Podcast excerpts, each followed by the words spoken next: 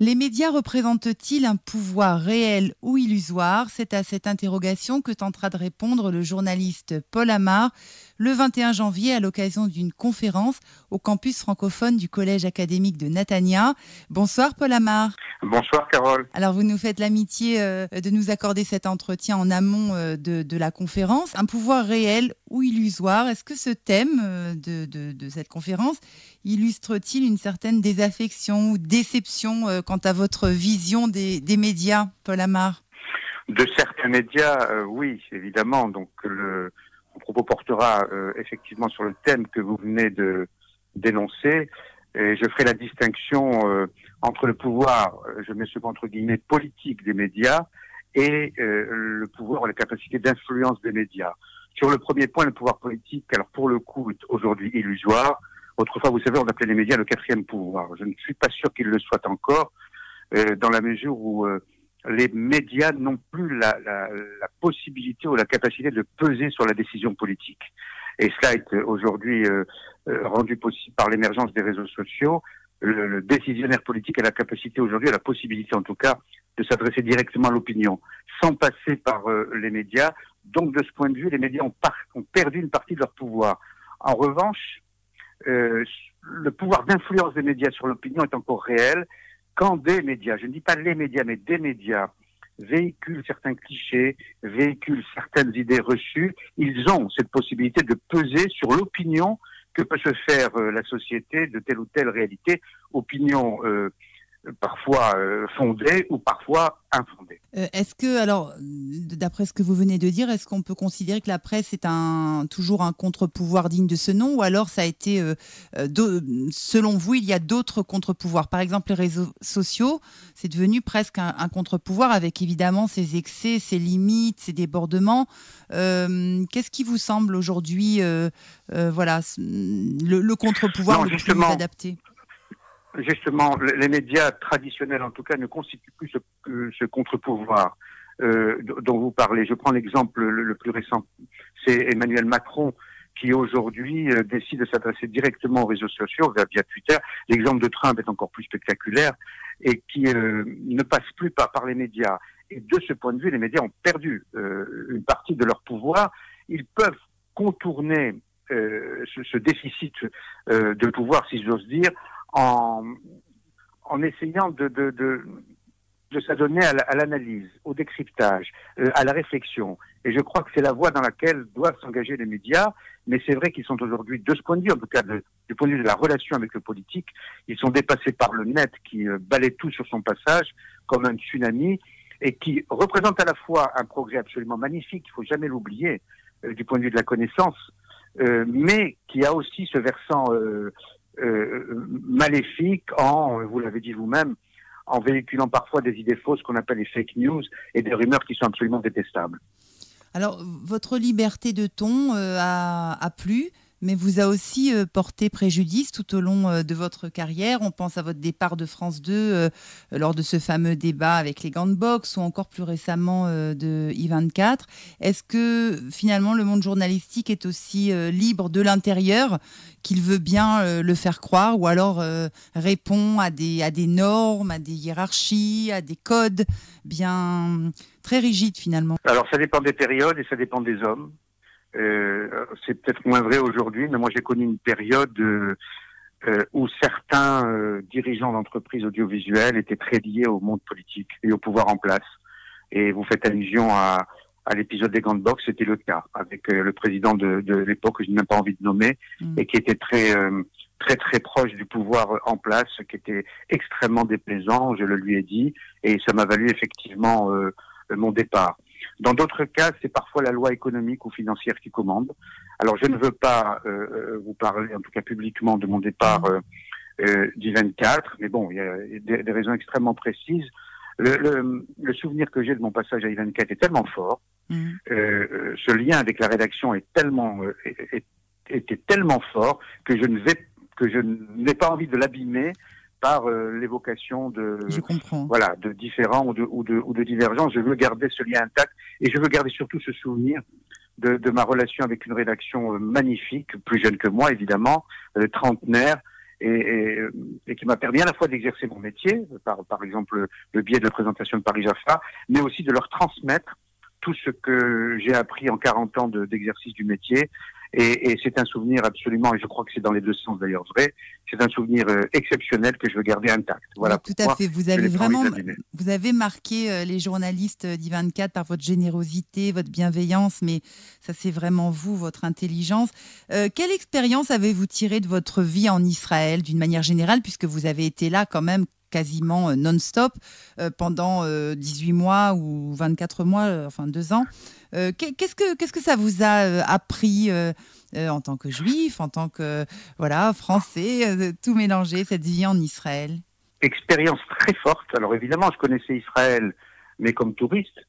mais là, j'ai vraiment eu droit à une sorte d'immersion, comme vous dites, non-stop dans la société israélienne pendant près de deux ans où j'ai je retournais en France une fois par mois, pas plus.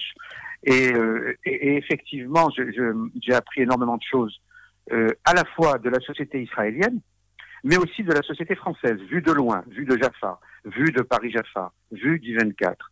Et euh, de la société israélienne, j'ai appris qu'elle était extrêmement vivante, extrêmement démocratique, euh, plurielle, euh, d'un certain point de vue magnifique, et du point de vue notamment démocratique. Et, et, et j'observais la société française la société européenne et j'entendais tout ce qui était dit ou écrit, ou je lisais tout ce qui était écrit sur euh, Israël et je voyais à quel point euh, parfois des observateurs, des médias, des intellectuels se trompaient sur la société israélienne.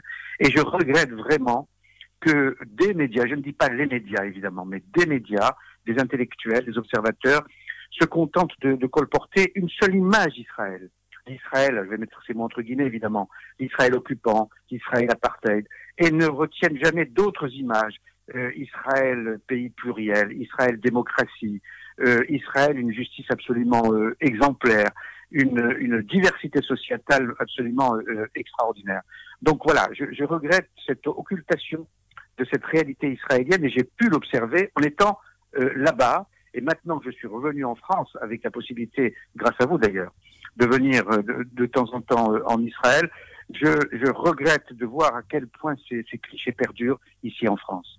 Euh, d'ailleurs, on l'a senti dans certaines, quand vous êtes arrivé, quand vous avez commencé chez I24, votre émission, etc. Et puis après, on a senti une, évolution dans la manière dont, vous parliez d'Israël. On, on, vous sentait voilà plus concerné, presque pas en colère, mais irrité de ce décalage entre euh, la réalité euh, d'Israël et puis la, vision euh, qu'en ont certains journalistes ou certains médias. Quel regard vous avez rencontré évidemment la presse israélienne? Alors est-ce que quelle, rencontre avez-vous eu avec ces journalistes israéliens, cette presse israélienne? Quelle a été votre analyse de, sa qualité, de sa valeur? Elle, elle ressemble à la société euh, diverses, plurielles, critiques, euh, libres. Et ça, cela non plus, on ne le sait pas en France et, euh, en Europe. Euh, certains pensent que la société israélienne est, est, est, monolithique, uniforme, et qu'elle est obsédée par la question palestinienne, alors que la société israélienne est, hâtée par de très nombreuses questions, notamment de société d'ailleurs, et, et qu'elle n'a pas cette obsession palestinienne. Justement, le, le, moi, je regrette, je vais, je vais le dire franchement, et vous avez parlé de ma liberté de ton, mm. euh, je continue de l'avoir euh, à l'égard des uns et des autres.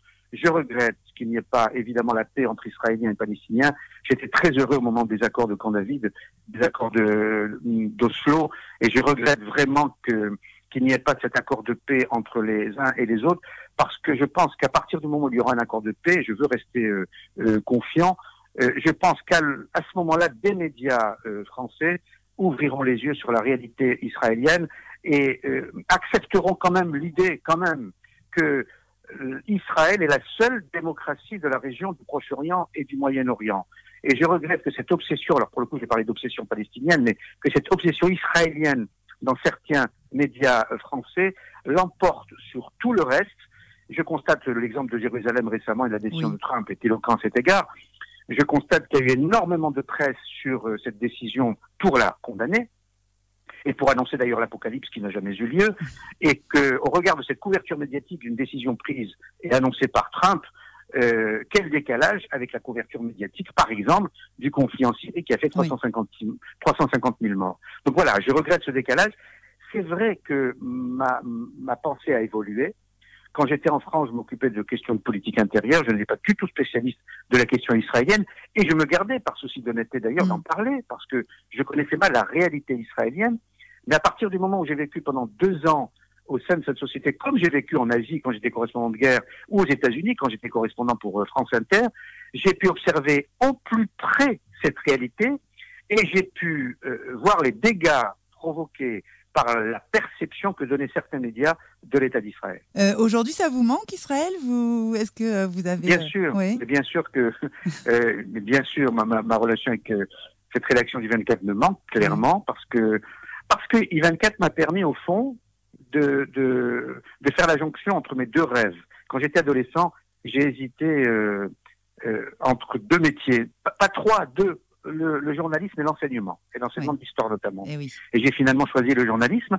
Et là, I24 euh, et cette rédaction euh, m'ont permis de faire la jonction entre voilà ces, ces, ces deux, ces deux rêves.